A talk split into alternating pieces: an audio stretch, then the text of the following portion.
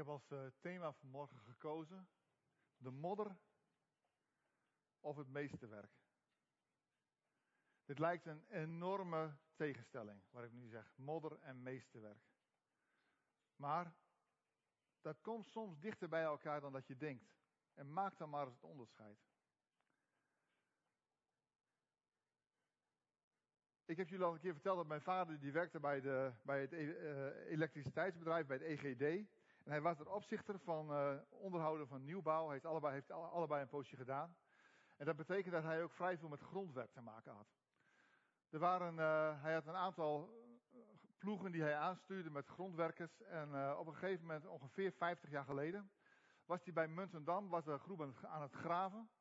En ja, als je aan het grondwerken, in de grond werk bent, kom je regelmatig wat tegen. En veel ervan is gewoon troep. Het meeste is gewoon troep. En het gaat of gewoon weer de grond in, of het gaat de container in. Hoe dan ook. Maar op een gegeven moment waren ze aan het graven en toen kwam er iets uit, uit, uit de grond naar voren. Een homp ijzer, roest. Ik kon daar echt niet veel van maken. En uh, het was de bedoeling dat het gewoon weer terug zou gaan in het gat. Mijn vader die zei van, geef maar, geef maar de dingen eens mee. Ik wil toch eens kijken wat dat is. En hij is thuisgekomen. Hij heeft een hamertje gepakt en een roestborstel. En hij is gaan bikken. En hij is gaan, uh, gaan, gaan, uh, gaan ontroesten. Hij heeft alle modder eraf getikt. Hij heeft alle roest eraf getikt. Hij heeft hem weggebracht naar een vriend toe. Die uh, werkte bij een machinefabriek en daar hadden ze een straalinstallatie. Dus die hebben gewoon dat, ding, dat voorwerp gestraald. En dit kwam eruit.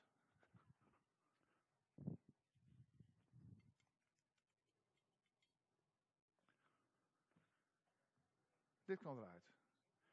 Dit was gevonden in de grond bij Muntendam en er staat een jaartal op, 1720. Dit is uh, ja, best een bijzonder stukje. En helemaal als je kijkt naar de verschillende materialen die hiervoor gebruikt worden. Want dit stukje is een extra gehard stukje, dat is ingezet. Deze naald, die is hier ook ingezet. Dit is uitgesmeed. En ja, de, technieken die hierin gebruikt zijn, die zijn heel divers. Het, dit lijkt niet op een, uh, een voorwerp wat gemaakt is om te gebruiken. Maar dit lijkt op een voorwerp wat gemaakt is om te laten zien wat de smid kon. En dat werd, wordt wel een meesterwerk genoemd. Iemand die wilde meester worden, zeg maar, in, waar hij uh, waar die, uh, goed in was, zeg maar. En als je dan meester was, moest je eerst een meesterwerk maken. En dat meesterwerk werd dan door andere meesters bekeken en gekeurd. En als het dan goed gekeurd was, dan was hij een meester op dat gebied. Die homp modder en roest, die in de grond lag bij Muntendam, die is eruit gekomen. En dit ding heeft bij ons in de kamer altijd een ereplekje gehad. Mijn ouders die zijn nu net verhuisd naar een, uh, naar een serviceflat en dit ding bleef liggen. En ik denk, die neem ik mee. Ik vind hem zo mooi, ik vind hem zo bijzonder. Maar hier zie je dat modder en meesterwerk heel, heel, heel dicht bij elkaar komen. Wat, heeft dat nou, ja, wat is dat nou voor een inleiding? Ik hang hem even hierop, zonder dat ik wat wil beschadigen. Voor mij gaat het goed. Wij zijn een meesterwerk. Ik zal jullie dat laten zien.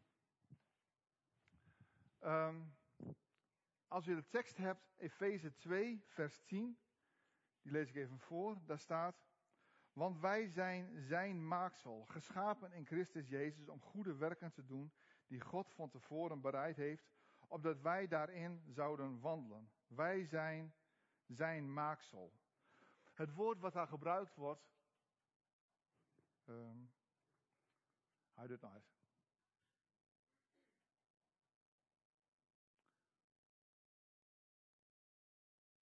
Nog niet, nee. Misschien moet je er hem op klikken.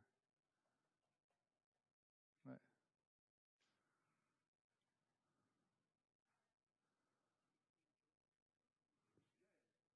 Nou, die is hier. Die zie je nog. Klopt.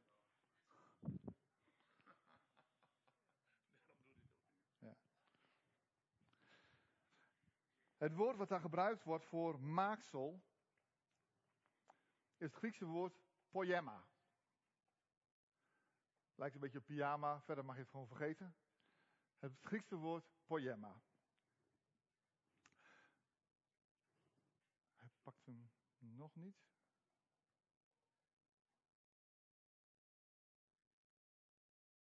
De meesten moeten zich er even mee bemoeien. Ja. Hey, nu gaat het goed. Nu komt het goed. Wij zijn zijn maaksel. Het woord poema, wat daar staat, dat is, um, daar is het Nederlandse woord poëzie uiteindelijk van afgeleid. Dus je hebt poëzie, in het Frans schrijf je dat met een S, poëzie. En poëzie komt van het Latijnse woord poesis. En dat komt van het Grieks poema. Dus dat is een, het, is een, het is een etymologische route, een vrij lang. Maar dit is wel de, de grond van het, van, van het woord poëzie bij ons. In het Engels wordt dit um, eigenlijk uh, consequent vertaald met workmanship. Het woord maaksel. Wij zijn zijn vakmanschap. En enkele vertalingen zeggen zelfs masterpiece, oftewel meesterwerk. Wij zijn zijn maaksel, geschapen in Christus Jezus om goede werken te doen die God van tevoren bereid heeft, opdat wij daarin zouden wandelen. Wij zijn Gods meesterwerk en Hij heeft ons gemaakt met een bedoeling. Wij zijn zijn meesterwerk. Um,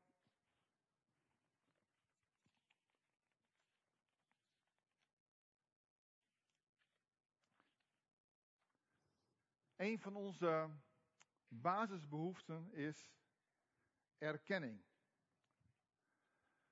Mijn vader die zag die homp roest en hij, kon, hij dacht van daar zit wat in, daar zit wat moois in, daar zit iets prachtigs in.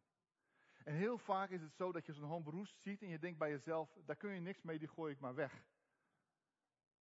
En dan gooi je ook iets heel moois weg soms.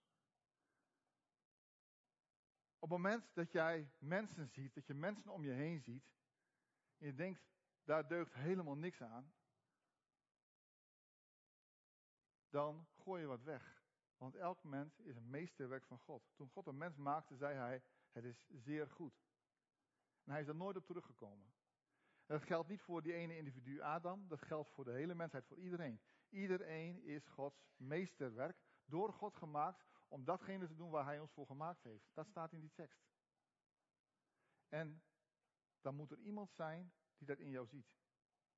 Er moet iemand zijn die, die jou aanraakt. En de Heer Jezus raakt mensen aan. Ik wil graag, uh, deze week was wel heel erg leuk. Op een gegeven moment, ik was aan het werk hier in, in, die, in die ruimte en ik hoor een, een schreeuw buiten. En ik ren naar buiten. Wat, wat, zie ik daar? Ik zie daar een zingende en dansende Wilco. Echt waar. Ik weet niet of je dat ooit gezien hebt. Het is de moeite waard, maar het was heel erg leuk. Een zingende en dansende Wilco. Ik wil je vragen om even naar voren te komen, Wilco.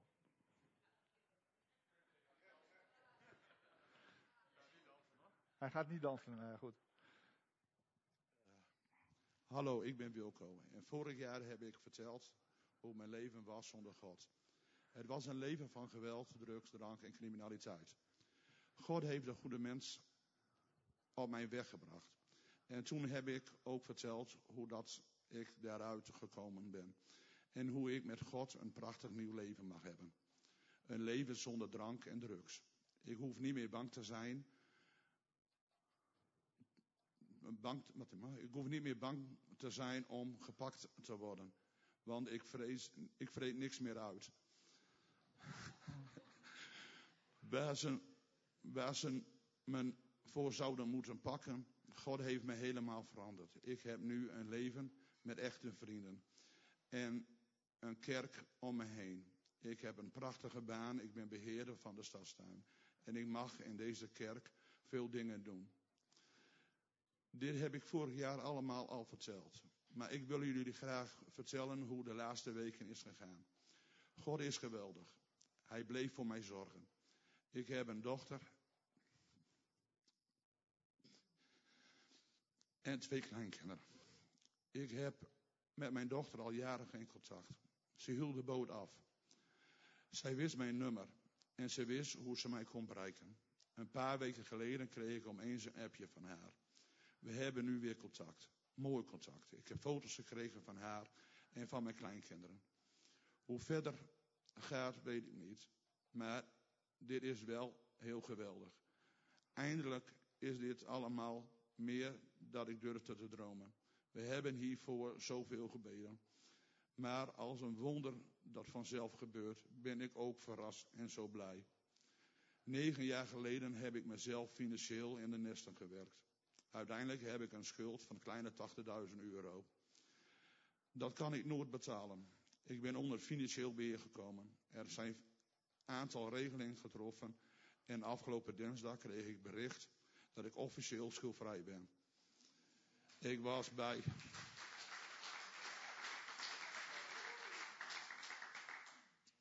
Ik was bij de open venster aan het werk toen ik dit hoorde.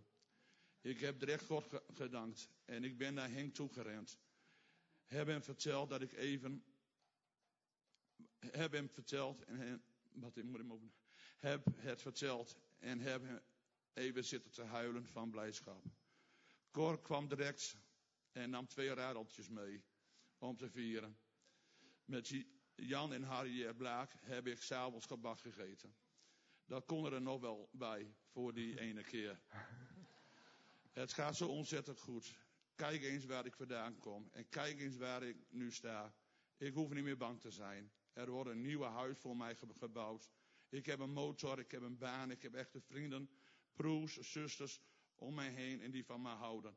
Ik heb weer contact met mijn dochter en met mijn kleinkinderen. En het allerbelangrijkste, God die altijd voor mij zorgt.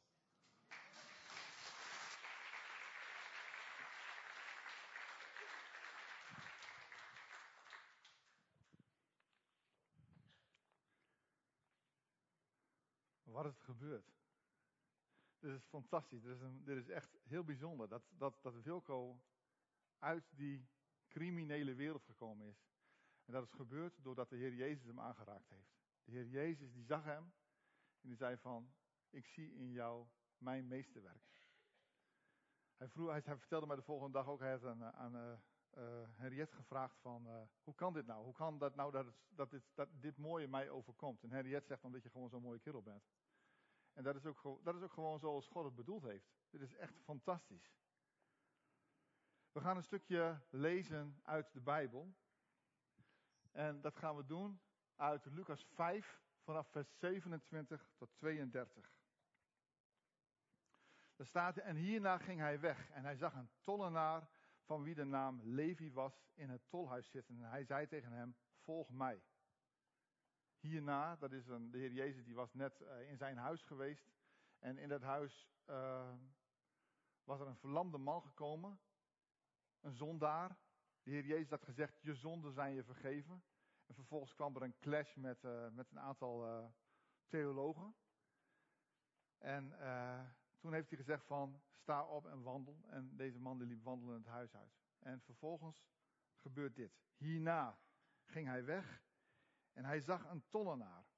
En een tollenaar, dat is iemand die, ja, als je in Nederland een tollenaar hebt, dat is niet zo'n ramp. Ik bedoel, er zijn belastingontvangers die zijn, die heeft een belastingkantoor, daar werken gewoon mensen. Sommige mensen zijn er boos op, andere mensen niet. Maar een belastingontvanger die wordt in Nederland geacht goud en goud eerlijk te zijn. Dat is juist een voorwaarde voor een belastingontvanger zijn. In Israël van die tijd was het precies tegenovergesteld. De mensen die belastingontvanger waren, die waren niet te vertrouwen.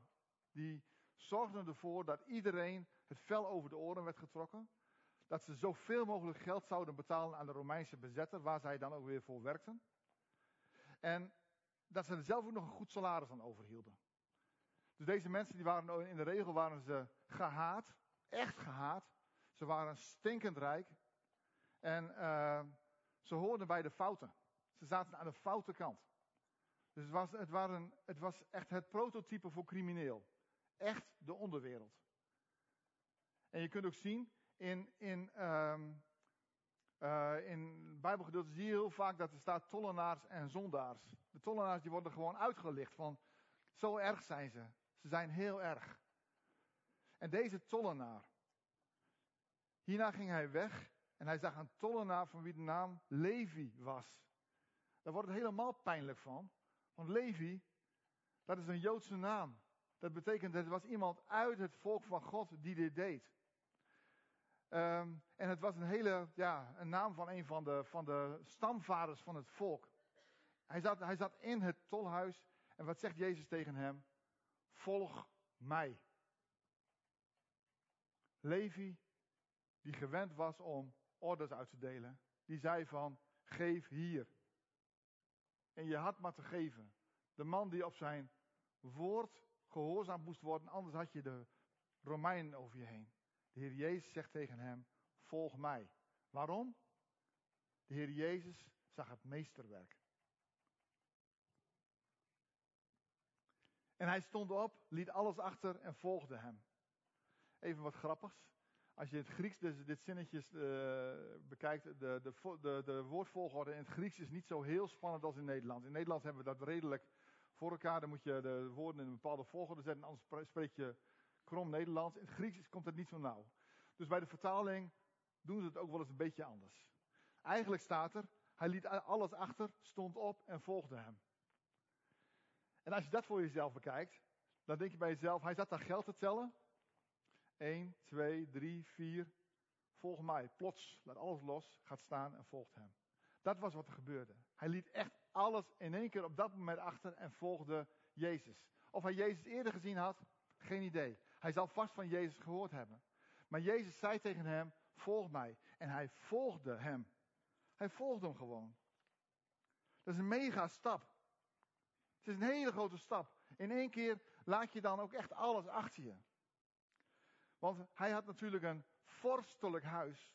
En de Heer Jezus zegt over zichzelf: De vorsten hebben holen, de vogelen van de hemel hebben nesten. Maar de zoon van de mensen heeft geen plaats waar hij zijn hoofd neerlegt. Hij liet dat vorstelijke luxe leven liet hij helemaal achter zich. Was die veranderd? Ik denk, denk, dat je dat nog niet kunt zeggen. Ik denk wel dat je kunt zeggen dat hij een keuze gemaakt had. Hij had een keuze gemaakt. Hij had de keuze gemaakt. Ik luister naar de roepstem van Jezus. En ik merk aan Jezus. Hij ziet mij. Hij ziet wie ik echt ben. En hij ziet niet die hele homp modder die om me heen zit. En die hele homp roes die om me heen zit. Hij ziet wie ik echt ben. Um, in het Oude Testament zien we in het verhaal van David. Zien we dat op het moment dat hij gezalfd wordt. Dan komt Samuel, die komt naar, uh, naar Bethlehem toe. En hij komt in Bethlehem en hij vraagt aan de vader van David, aan Isaïe van, um, ik wil graag met jullie eten. En uh, hij komt dus bij hem het hele gezin daar, zit daar om tafel. En op een gegeven moment zegt hij, ik wil graag uh, al je zonen even bij me langs hebben. En hij wist, een van deze zonen wordt de koning van Israël. En al die jongens gaan bij hem langs. Bij, begin bij de eerste, een hele mooie grote jongen. Uh, hij zag eruit als goed getrainde strijder. Hij was Samuel was direct onder de indruk. Zegt de Heer, de mens ziet aan wat voor ogen is, maar de Heer ziet het hart aan. Deze is het niet. En dat heeft hij acht keer gehad. Geen één van die jongens was de koning. En toen vroeg hij in Isaïe, dit is raar. Heb u nog een zoon of zo? Ik, ja, hij, zoekt een rare, hij zoekt een verklaring daarvoor. En Isaïe die zegt van, ja, ik heb er nog eentje, maar die stelt niks voor. Eigenlijk is dat de modder, zeg maar. Is dat degene waar we ons allemaal voor schamen. Die heb ik maar gewoon op het land gelaten. En die ga ik erbij halen. En hij haalde hem erbij. En dat was hem. Want deze man stond recht voor God. David stond recht voor God. En hij wist, God wist, dit zal de koning zijn. En dat is bij, bij hem ook zo. Was hij veranderd? Ik weet het niet. Ik durf het nog niet te zeggen. Eigenlijk denk ik dat hij op dat moment nog niet veranderd was, maar wel bereid was het veranderingsproces in te gaan.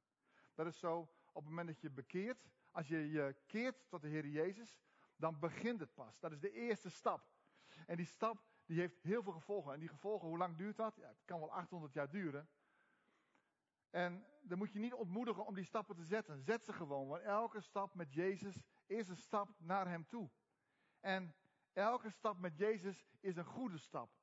En dat, dat, dus hij ging ook gewoon. En dan staat er in vers 29, en Levi bereidde voor hem een grote maaltijd in zijn huis. En er was een grote menigte van tollenaars en van anderen die met hem aanlagen. Dus Levi die bereidde een grote maaltijd voor hem, voor de Heer Jezus. Het was een feestmaal voor Jezus. Dus Jezus zegt tegen hem, volgt hem.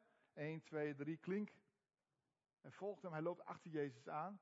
En vervolgens maakt hij een maaltijd voor hem klaar die klinkt als een klok. Het gaat hier over een grote menigte. Ik zie hier staan dat er een grote menigte was. Dat betekent, daar heb je een cateraar bij, daar heb je personeel bij, daar heb je een gigantisch huis voor nodig. Dit kan ik niet. Ik kan dit niet. Ik weet niet wie van jullie dit wel kan, maar ik kan het niet. Dit uh, trekt bij mij, trekt Bruin het niet. En uh, mijn huis kan het ook niet. Dit is gewoon allemaal niet mogelijk. Maar Levi deed het gewoon. En hij maakte er een mega feest van. En hij nodigde al zijn vrienden uit. En je kunt rustig stellen, de hele onderwereld lag daar aan tafel. Het was gewoon één criminele bende. Allemaal boeven. En die waren daar. En de Heer Jezus was er ook. En die had mee van crimineel geld. Hij was daar gewoon. Levi had ook niet anders, had alleen dat geld.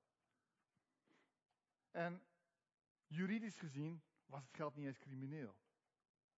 Maar moreel gezien was hij niet op een lekkere manier aangekomen. Hij was dus nog steeds erg rijk. En al die mensen die er waren, waarom waren die daar? Omdat ze moesten kennis maken met de Heer Jezus. Zij mochten weten wie Levi ging volgen. En ze waren er met z'n allen. Het lijkt me best wel een leuk feest te zijn geweest. Ik weet niet wat er allemaal gebeurt, maar ik kan me voorstellen dat dat gewoon uh, een hoop muziek is en wijn en uh, veel eten en drinken. Het zou echt heel leuk zijn geweest. En dan staat er, en hun schriftgeleerden en de fariseeën morden tegen zijn discipelen en zeiden, waarom eet en drinkt u met tollenaars en zondaars? Nou, dan zie je hier weer hetzelfde van zo pas, die volgorde, die woordvolgorde. Eigenlijk, hier moet, hier moet die volgorde eigenlijk veranderd worden. Dat hebben ze hem letterlijk overgenomen. Eigenlijk staat staan, de schriftgeleerden, of de fariseeën en hun schriftgeleerden. Hun schriftgeleerden, dat, dat is een beetje vreemd om dat gewoon vanuit niks uh, neer te zetten. Dus de fariseeën en hun schriftgeleerden morden tegen zijn discipelen en zeiden, waarom eet en drinkt u met tollenaars en zondaars? Um, wat je hier ziet is dat deze mensen die hun uiterste best deden om zo goed mogelijk te zijn, een wij-zij situatie creëerden. Wij zijn goed en zij deugen niet. En het grappige is, op het moment dat wij over andere mensen praten, doen wij dat ook heel makkelijk. Een wij-zij situatie creëren. De enige manier om dat niet te doen is in wij blijven praten, zeg maar. Ik wil ook heel niet, liever niet zeggen van jullie doen allemaal dit en dit en ik doe dat. Dan, dan heb je die wij-zij situatie. Nee, wij zijn allemaal uh, volgelingen van de Heer Jezus. En wij hebben allemaal onze fouten. Maar deze schriftgeleerden, deze theologen, die morden tegen zijn discipelen en zeiden, waarom eet en drinkt u met tollenaars en zondaars? Ja, waarom? Waarom niet? Eigenlijk is dat misschien wel een, een goede reactie. Waarom niet? Is zonde besmettelijk? Um, voor de Heer Jezus niet. Waarom niet? Hij deed precies datgene wat God voor hem bereid had. Hij deed precies datgene waarvoor hij gemaakt was. Dus dan is zonde ook niet besmettelijk.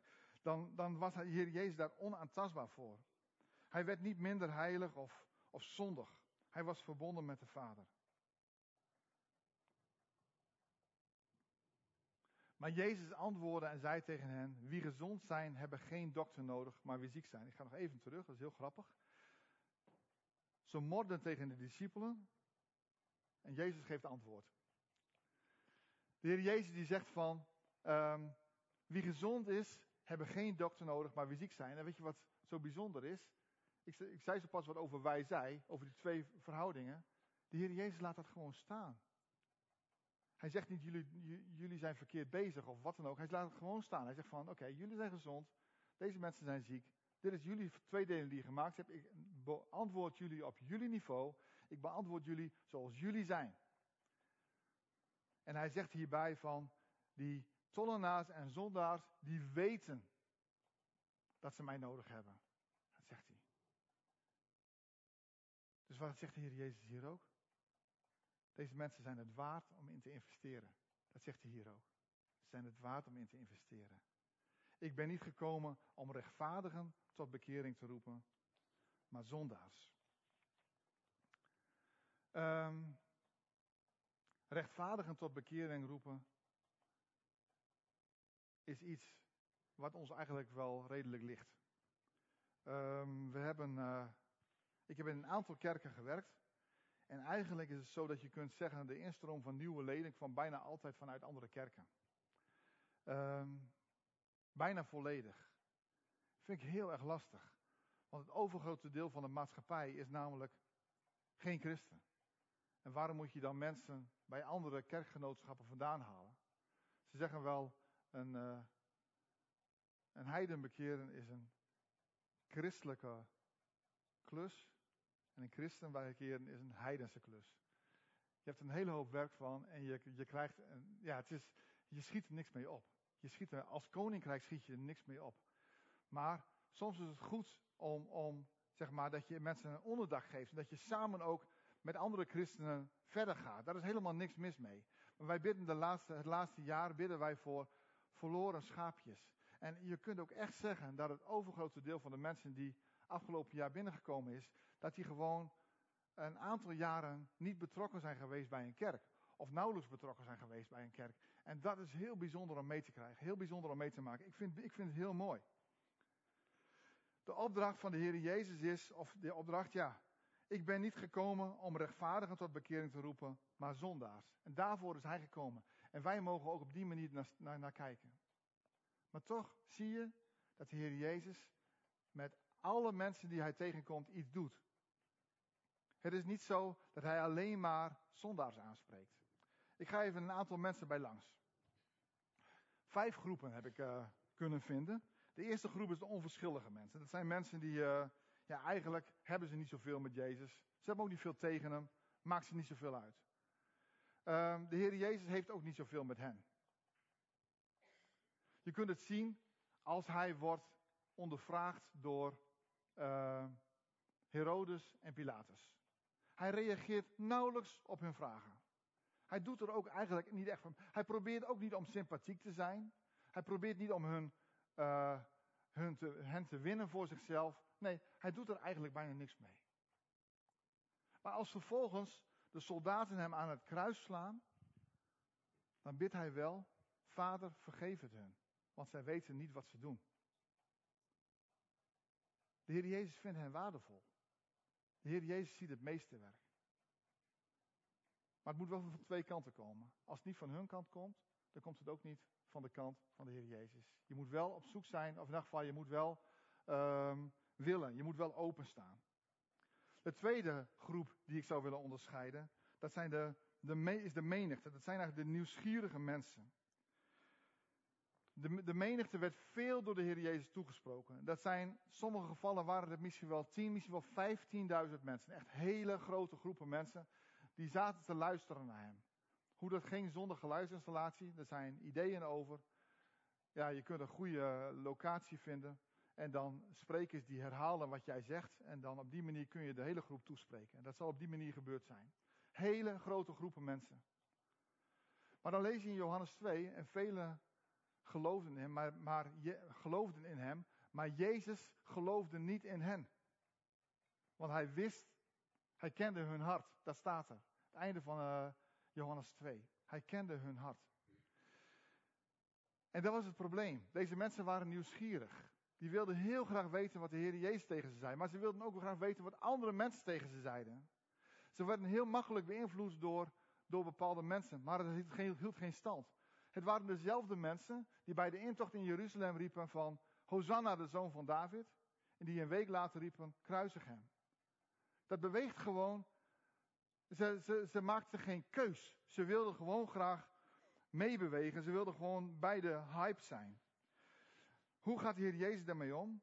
Hij geeft zich niet aan hen, staat er in Johannes 2. Op andere plekken zie je, hij legt de gelijkenissen niet uit. Hij vertelt ze prachtige verhalen, hele symbolische verhalen, maar hij legt het verder niet uit. Hij laat het gewoon zo.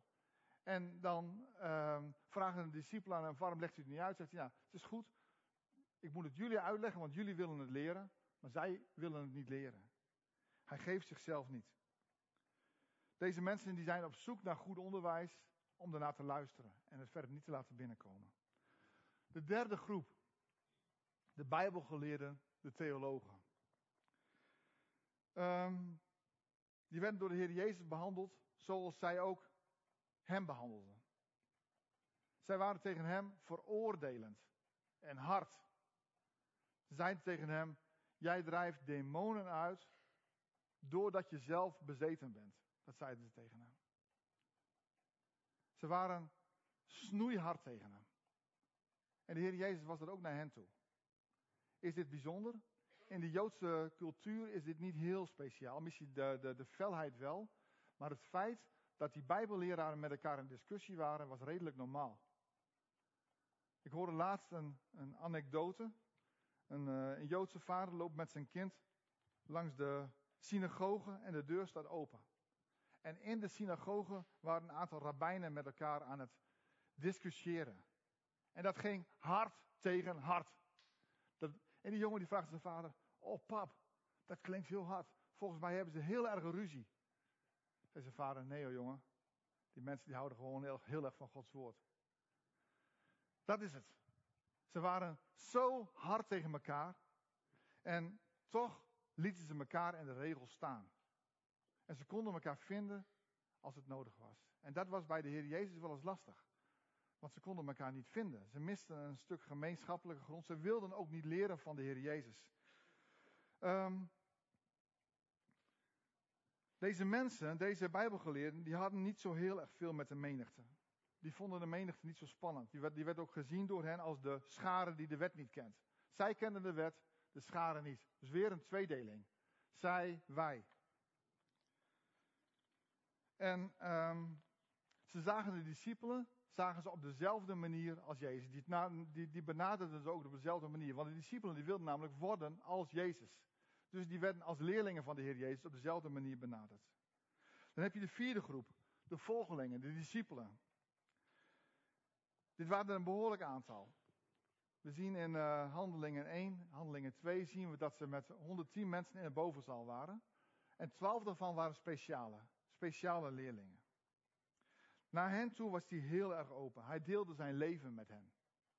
En hij wilde ook graag dat zij echt hem gingen um, vertegenwoordigen. Hij legde gelijkenissen uit. Dat deed hij niet tegen de menigte. Hij deelde zijn leven met hen, zodat ze konden worden als hij. Dat was ook echt zijn bedoeling. Deze leerlingen die lagen ook regelmatig in de klins met de schriftgeleerden en de fariseeën. Um, ze begrepen Jezus niet helemaal als het ging over de menigte. De Heer Jezus die probeerde niet populair te zijn. En zij zagen al het publiek en zij wilden eigenlijk wel graag dat de Heer Jezus ging reageren. Maar de Heer Jezus die reageerde daar niet op. En dan de vijfde groep, de hoeren, de tollenaars en de zondaars. Die worden specifiek zo genoemd. Um, deze mensen voelden zich thuis bij de Heer Jezus. En dat was de zijgroep, de expliciete zijgroep voor de gelovigen. De mensen die aan de andere kant stonden. Wij zijn goed, zij zijn slecht, zeg maar. In Lucas 15, vers 1 lees je dat al de tollenaars en zondaars kwamen om naar hem te luisteren. En de Heer Jezus die aanvaarde hen. Hij aanvaarde niet hun zonde, hij aanvaarde niet de modder, niet de roest, maar hij aanvaarde het meesterwerk binnenin ze. En hij wist, hiervoor ben ik gekomen. Deze zondaars die voelden zich niet thuis bij de theologen. Die vermeden ze zoveel mogelijk, want ze voelden zich volledig veroordeeld en aan de kant gezet. En in de menigte probeerden ze om niet op te vallen. En we zien dat de Heer Jezus de, de verbinding zoekt als dat mogelijk is. Vaak was dat niet mogelijk. Maar zonder verbinding is er geen verandering. En de Heer Jezus die zag Levi en hij wist van, ik moet me met hem verbinden. Hij zag hem, hij kijkt hem aan en hij zegt, volg mij. En Levi veranderde, omdat hij Jezus vertrouwde. Hij was blij met de roep van Jezus. Jezus zag het meesterwerk en zo kwam iets heel moois tot stand. Een meesterwerk. Binnen een jaar stuurt Jezus Levi met een uh, andere leerling van hem op stage. Hij zegt, Drijf demonen uit, genees zieken, vertel het evangelie, vertel het koninkrijk van de hemel en komt eraan. Om, en vraag er geen geld voor, om niks heb ik het gegeven, om niks mag je het weggeven. Dan heb je Levi, degene die altijd achter geld aan zat. En hij moest allemaal hele moeilijke, ingewikkelde dingen doen, zonder dat hij er geld voor vroeg. Dat is Levi. Hij ging. Omdat hij, zo, omdat hij volleerd was? Nee. Maar omdat Jezus in hem zag dat er meesterwerk in zat. De opleiding gaat daarna wel een poosje door. De Heer Jezus, die zag hem. Afgelopen jaar hebben we als thema Maak alle volken tot mijn discipelen. Alle volken.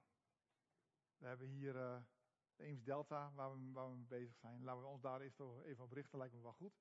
Wij als de kerk wereldwijd hebben als opdracht om alle volken te bereiken. Dan kunnen wij hier aan de slag. Komend jaar is het thema Wij zijn het zout van de aarde.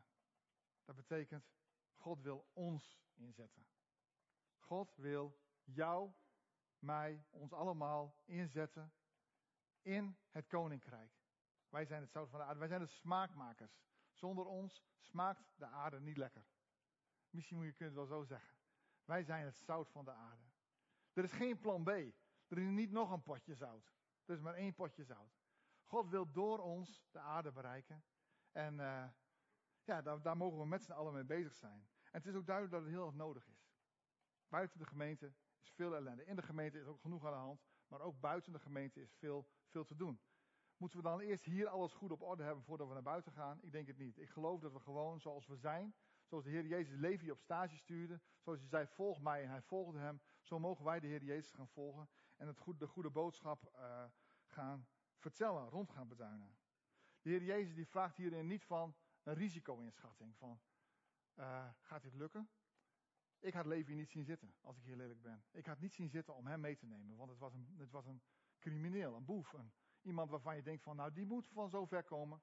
De Heer Jezus zag hem en die weet, dit is hem. De Heer Jezus vraagt van mij ook niet dat ik een risico-inschatting maak. Dat ik bij mezelf denk van, deze wel en deze niet. Nee, de Heer Jezus die vraagt van mij dat ik gewoon gehoorzaam ben. Dat ik precies doe wat hij tegen mij heeft gezegd. Want wij zijn zijn maaksel, geschapen in Christus Jezus, om goede werken te doen die God van tevoren bereid heeft opdat wij, opdat wij daarin zouden wandelen. Wij moeten gewoon die dingen doen die God van tevoren bereid heeft. Opdat wij daarin zouden wandelen. En dan kom je iemand tegen en dan denk je, wat een boef, wat een crimineel. Dan focus je op de modder. Maar de Heer focust niet op de modder. De Heer focust op het meeste werk. Wij beoordelen aan de hoeveelheid modder en roest of we eraan gaan beginnen of niet. Maar de Heer doet dat niet die weet gewoon, deze persoon is het waard om in te investeren. En dan zijn de verhalen die gaan, die, die, die, die, die dan voor de dag komen, zijn heel bijzonder. Dan moet er een hoop modder af. Dan moet er een hoop roest af. Dat doe je met een hamertje. Dat doe je met een bijteltje. Dat doe je met een roestborstel. Met een straalinstallatie. Doet zeer. Wat er overblijft, dat is het meeste werk. En ik geloof dat God ons daar ook voor in wil zetten. De Heer Jezus nodigt Levi uit om te komen zoals hij is. En vervolgens leert Levi van de Heer Jezus dat hij mag veranderen naar het beeld van hemzelf, het beeld van God. De modder en de roest mogen verdwijnen, zodat het meeste werk zichtbaar wordt. We hebben het nu over het meeste werk, over het hart wat de Heer, Heere God aanziet. Een andere keer gaan we het hebben over heiliging, over dat veranderingsproces. En dat veranderingsproces, dat is voor iedereen verschillend. Omdat een roestlaag nooit overal hetzelfde is. Maar we mogen wel weten dat de Heer Jezus met ons dat proces aan wil gaan.